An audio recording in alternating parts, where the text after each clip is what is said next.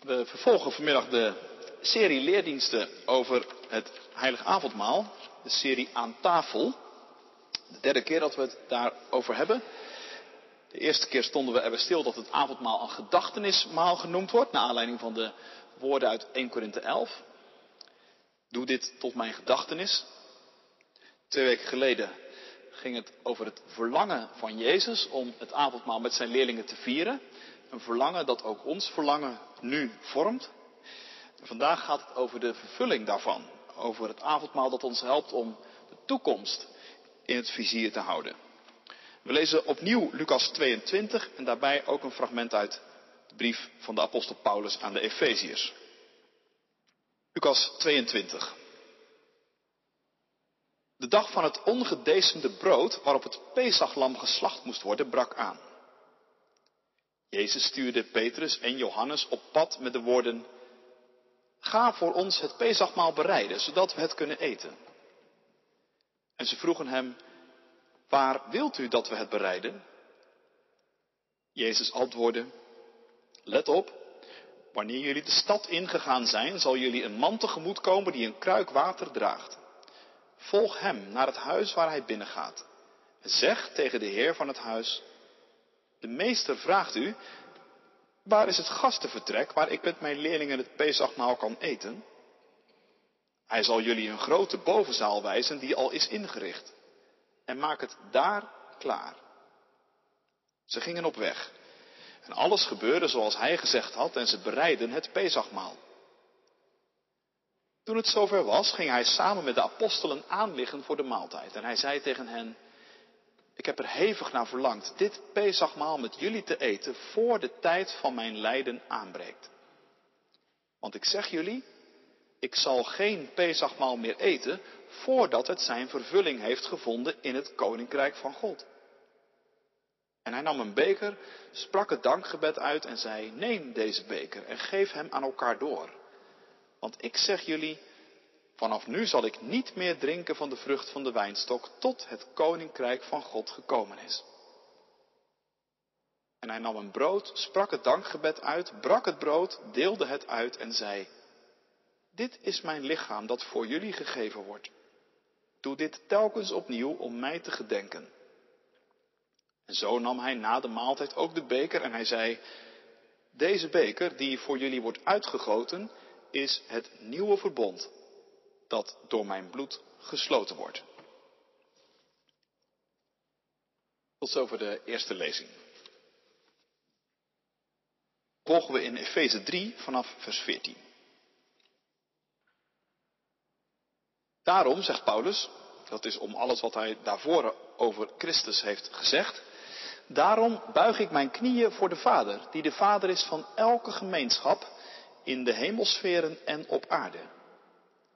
Mogen Hij vanuit zijn rijke luister uw innerlijke wezen kracht en sterkte schenken door zijn geest, zodat door uw geloof Christus kan gaan wonen in uw hart en u geworteld en gegrondvest blijft in de liefde.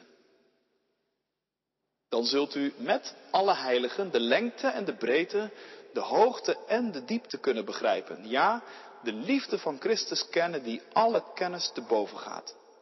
Opdat u zult volstromen met Gods volkomenheid. Aan Hem die door de kracht die in ons werkt bij machten is oneindig veel meer te doen dan wij vragen of denken. Aan Hem komt de eer toe.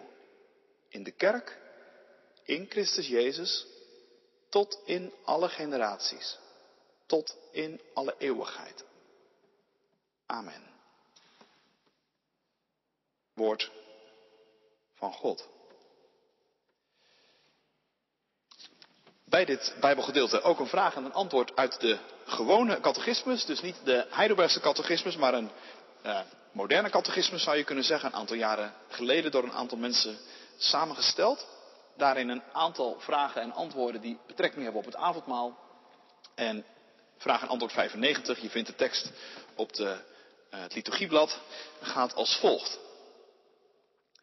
Wat proef je in het avondmaal? En dan wordt er aangesloten bij de tekst van Efeze 3, de hoogte, de diepte, de breedte en de lengte van de liefde van Christus. De hoogte door de gemeenschap met Hem te ervaren.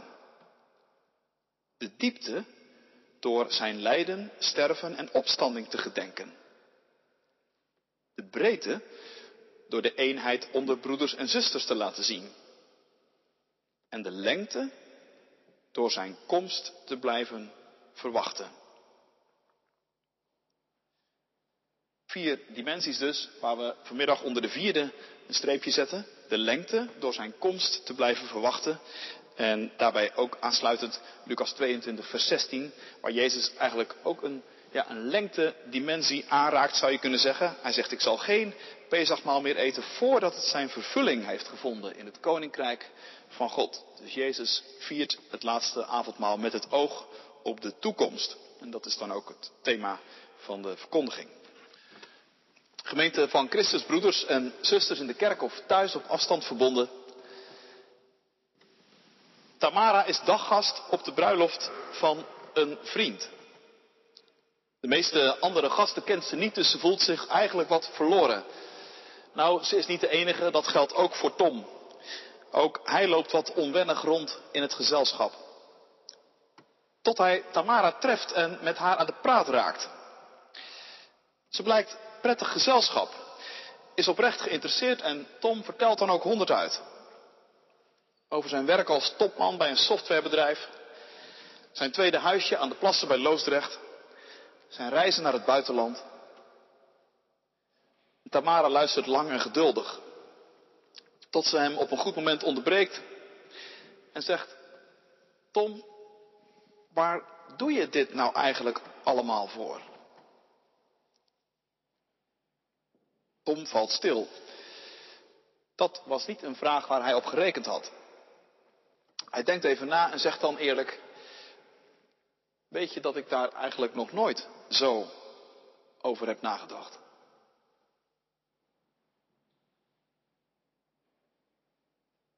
Zo gaat het nou heel vaak, vertelt in een van zijn boeken Tim Keller, de bekende predikant uit New York.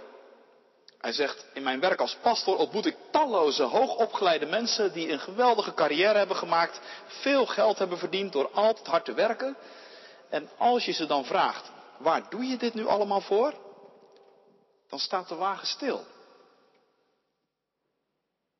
Als ik diezelfde mensen zou vragen, zegt Keller dan, of ze morgenochtend om negen uur op de hoek van die en die straat kunnen staan om daar op mij te wachten, dan zouden ze onmiddellijk vragen, Waarom? Kennelijk is dat het eerste dat bij hen opkomt. Zelfs al bij zo'n tamelijk eenvoudig en onbenullig verzoek. Volkomen logisch vinden we het dat je zoiets niet zomaar, zonder te weten waarom, gaat doen. Maar net zo logisch lijkt het, zegt Keller, om die vraag niet te stellen als het gaat om ons leven als geheel. Waarom wil je eigenlijk die carrière? Waarom dat huis? Waarom maak je weken van 60, 70 uur? Waar doe je dat allemaal voor? Gaat het ergens naartoe in je leven? Is er een hoger doel? Of ben je in feite maar een speelbal van je verlangens?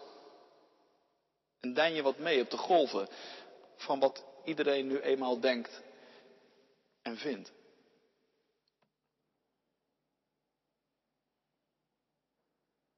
Vorige week hebben we in deze kerk avondmaal gevierd. En het avondmaal is een moment waarop Christus ons, vriendelijk, maar wel beslist, dwingt om die vragen van het waarom en het waarheen en het waartoe onder ogen te zien.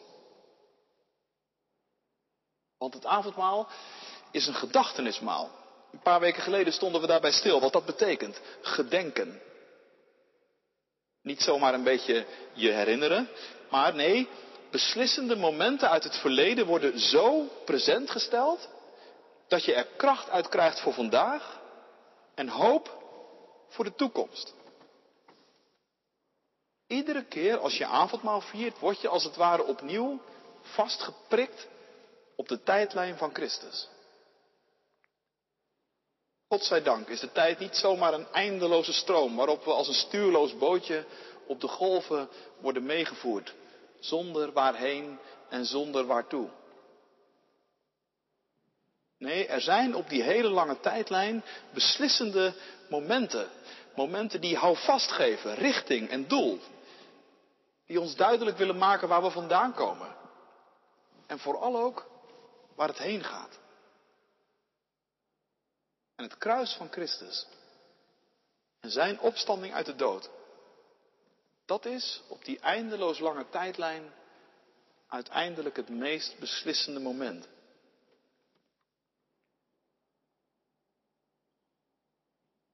Ik zei al, bij gedenken gaat het niet alleen maar dat je erom dat je ergens aan terugdenkt, maar het gaat er net zo goed om dat je vooruit kijkt. Het avondmaal geeft niet alleen maar antwoord op de vraag waar we vandaan komen, maar ook antwoord op de vraag waar het heen gaat. Jezus zelf begint daar ook over in Lucas 22. Ik heb er ontzettend naar verlangd, zegt hij, vers 15 en 16, met jullie dit paasmaal te eten, voordat ik zal lijden. Want ik zeg jullie dat ik er niet meer van zal eten, voor het vervuld is in het koninkrijk van God. Je merkt dus, Jezus viert het avondmaal, stelt het avondmaal in met het oog op de toekomst. Hij kijkt vooruit. Eerst naar zijn lijden, dat al heel snel zal gaan plaatsvinden, maar verder dan dat. Naar de vervulling van het koninkrijk van God. Dat koninkrijk dat met de komst van Jezus is aangebroken. want je weet misschien dat als Jezus zijn rondwandeling op aarde begint, dat in het Marcus-evangelie het eerste wat hij zegt is, het koninkrijk van God is dichtbij gekomen. Bekeer je daarom en geloof het evangelie. Jezus begint het koninkrijk en hij is zelf de koning. Hij is degene aan wie uiteindelijk alle macht gegeven zal worden in de hemel en op de aarde. En zijn koninkrijk is nu al overal waar zijn wil wordt gedaan en waar zijn naam wordt hooggehouden.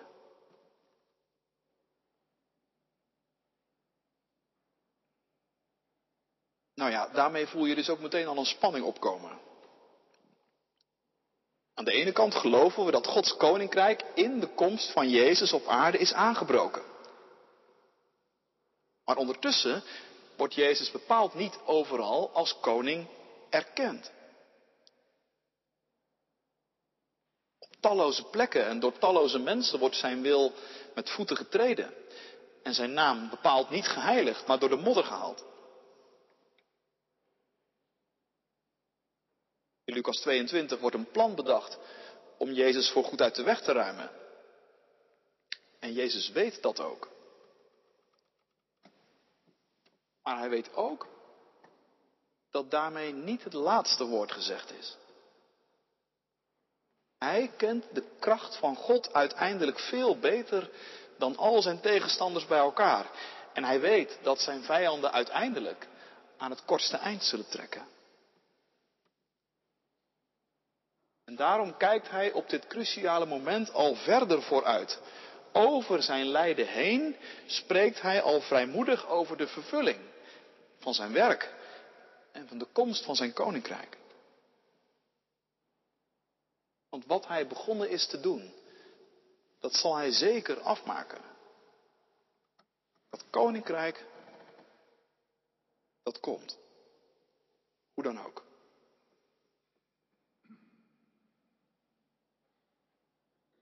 En sindsdien staat de maaltijd die christenen vieren van tijd tot tijd meteen ook altijd in dat licht. In het licht van de toekomst. Als Paulus in 1 Korinthe 11 over het avondmaal spreekt, doet hij hetzelfde. Ook hij kijkt vooruit. Als hij daar de woorden die Jezus sprak bij het breken van het brood en bij het ronddelen van de beker onder de aandacht brengt van de Corinthiërs, dan voegt hij er dit aan toe. Zo dikwijls als jullie dit brood eten en deze beker drinken, dan verkondig je de dood van de Heer totdat Hij komt. Daar heb je het ook. Alsof Paulus er nog even een streep onder wil zetten. Aan dat laatste hoef je niet te twijfelen. Jezus komt terug. Het koninkrijk van God zal komen en vervuld worden. Er komt een moment, dan zullen alle knieën zich voor Jezus buigen. En zal iedereen erkennen dat Hij koning is.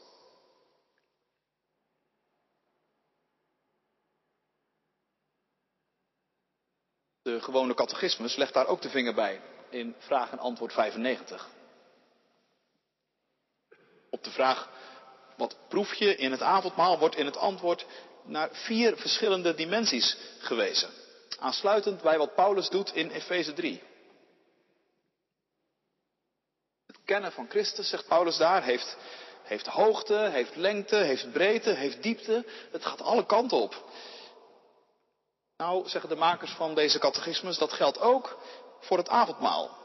Dat heeft ook allerlei verschillende dimensies. Het wijst omhoog, het wijst naar beneden, het wijst opzij en het wijst vooruit. En over die laatste dimensie hebben we het vanmiddag vooral. Jezus viert het avondmaal met het oog op de vervulling in het koninkrijk van God. De christenen in Korinthe en overal op de wereld tot op de dag van vandaag breken het brood en gieten de wijn, zitten aan de tafel totdat hij komt.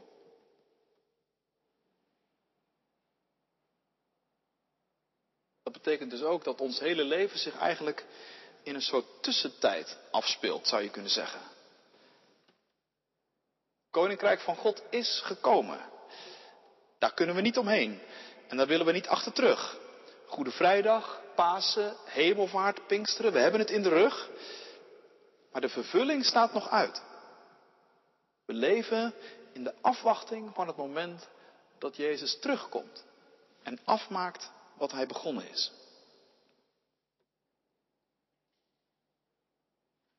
Ja, dat roept natuurlijk de vraag op hoe je dat dan vervolgens doet.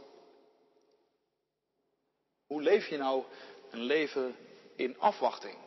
Een leven met het oog op de toekomst. Wat is nou een goede manier om dan zo in het leven te staan? Als je aan de ene kant weet dat het koninkrijk van God gekomen is, en aan de andere kant weet dat de vervulling ervan nog uitstaat.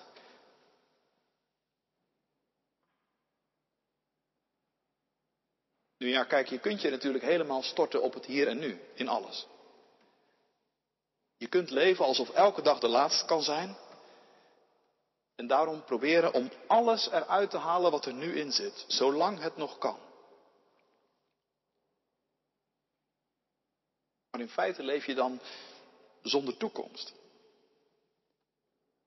In feite ben je dan vergeten dat het koninkrijk van God nog niet vervuld is en dat het beste en belangrijkste nog voor ons ligt.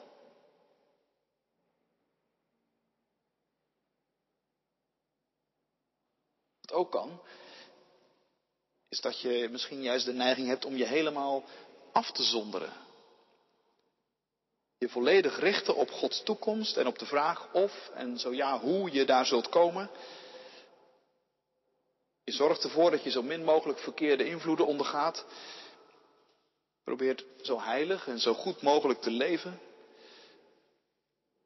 Met de grote boze buitenwereld wil je niets te maken hebben. De enige mensen met wie je om wilt gaan zijn mensen die zo denken als jij. Misschien dat je denkt, nou dat laatste gaat niet echt over mij, maar er zijn wel degelijk christenen die dat geprobeerd hebben en nog steeds wel. Het leven in een zuil heeft daar trekjes van. En, en in sommige gevallen zou je het zelfs een secte kunnen noemen. Maar al dat soort vormen van leven, daarvan zou je kunnen zeggen, die vergeten weer iets anders. Die vergeten dat het koninkrijk van God al gekomen is. Dat er al heel veel beslissends gebeurd is. Dat Goede Vrijdag en Pasen en Hemelvaart en Pinksteren al lang achter ons liggen. Dat Jezus leeft en regeert. Dat er voor ons betaald is. Dat je mag weten dat je het eigendom van Jezus bent. En dat je dus niet meer jezelf hoeft te redden. dat dat helemaal niet kan. Hoe heilig en hoe afgezonderd je ook zou willen proberen te leven.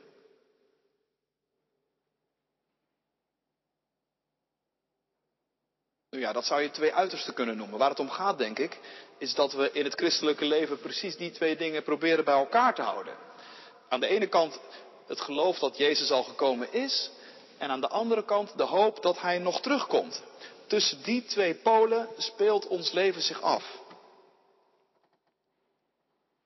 En een beeld dat daar heel vaak voor gebruikt wordt, dat is het beeld van de pelgrim. De pelgrim. De reiziger op weg naar een heilige plaats. De reiziger met een heel bewust doel voor ogen. De reiziger met het nodige in zijn of haar rugzak. Want aan zo'n reis begin je niet zomaar. Dat bereid je goed voor.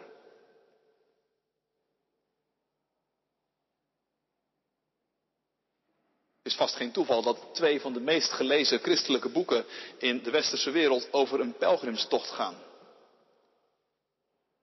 Lange tijd was het best gelezen christelijke boek na de Bijbel de Christenreis van John Bunyan, The Pilgrim's Progress. Het leven van een christen beschreef hij als een pelgrimstocht. Een reis op weg naar een hemelse stad. En onderweg gebeurt er van alles. Christen over wie het gaat komt hoop tegen, die zijn tochtgenoot wordt. En met wie hij veel deelt en aan wie hij veel steun heeft. Maar hij komt ook vast te zitten in kasteel twijfel, waar reus wanhoop woont en zijn vrouw ongeloof. En zo trekt in beeldtaal het hele christelijke leven aan je voorbij, met al zijn hoogte en dieptepunten.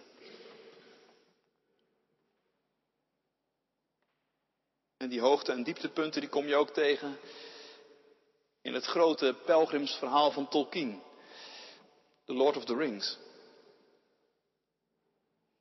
Net als de reis van Christen is ook de reis van Frodo een zware. Als ze op een goed moment de zoveelste tegenvallen beleven, dan verzucht Frodo tegen zijn reisgenoot, ik kan dit niet doen, Sam. Dit is echt te zwaar. Ik weet het, Mr. Frodo, antwoordt Sam dan.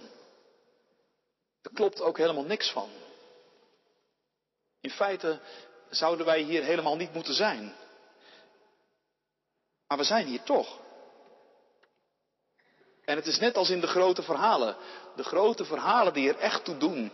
De verhalen vol van duisternis en gevaar. Die verhalen waarvan je soms het eind niet eens wilt weten. Want hoe zou het ooit een happy end kunnen worden? Wij zitten nu midden in zo'n verhaal. Maar aan het einde van die verhalen blijkt dan toch de schaduw weg te gaan. Zelfs de duisternis moet wijken. Een nieuwe dag zal komen. En als de zon dan weer gaat schijnen, dan schijnt hij helderder dan ooit. Dat zijn, Mr. Frodo, de verhalen die mij bij zijn gebleven. Die betekenen iets. Zelfs als je te klein bent om precies te begrijpen wat ze betekenen.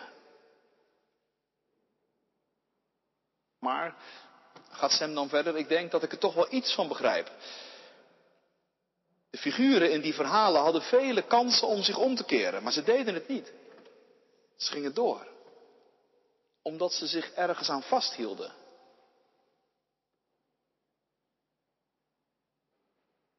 Waar houden wij ons aan vast dan? Sam, vraagt Frodo. What are we holding on to, Sam? Goeie vraag. Goeie vraag ook voor ons vanavond. Waar houden wij ons nou aan vast? op onze pelgrimstocht door het leven? Wat zijn voor ons nou de pleisterplaatsen onderweg waar je even op adem komt?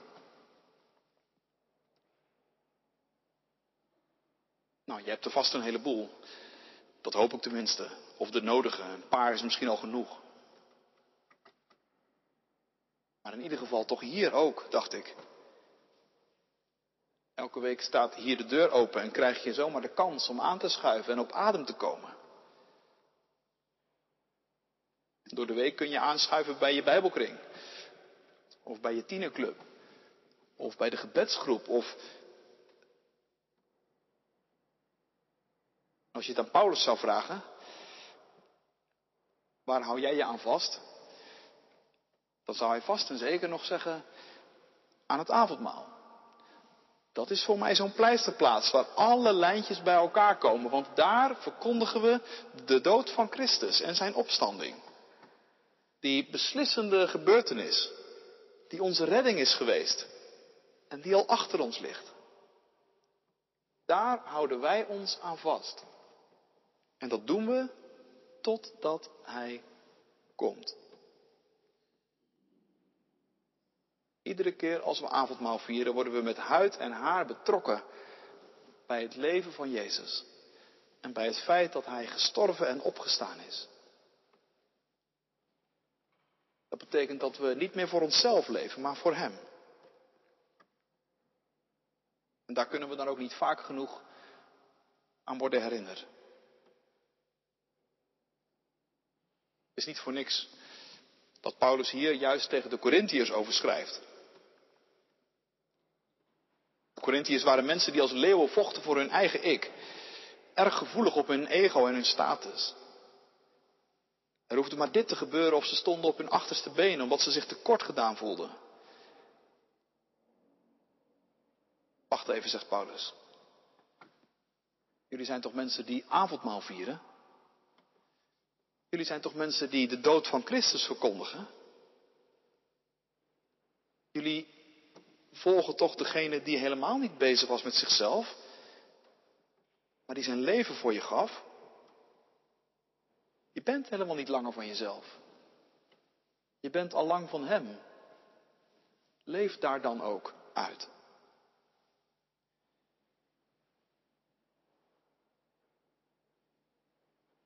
Zo is avondmaal vieren ook een statement maken met elkaar. In de wereld om ons heen worden allerlei maaltijden gehouden. En wij zijn ook betrokken, ieder voor zich, bij allerlei verschillende soorten maaltijden. Nou, al die maaltijden hebben hun eigen karakter. In Korinthe was er een probleem. De een kreeg te veel en de ander te weinig.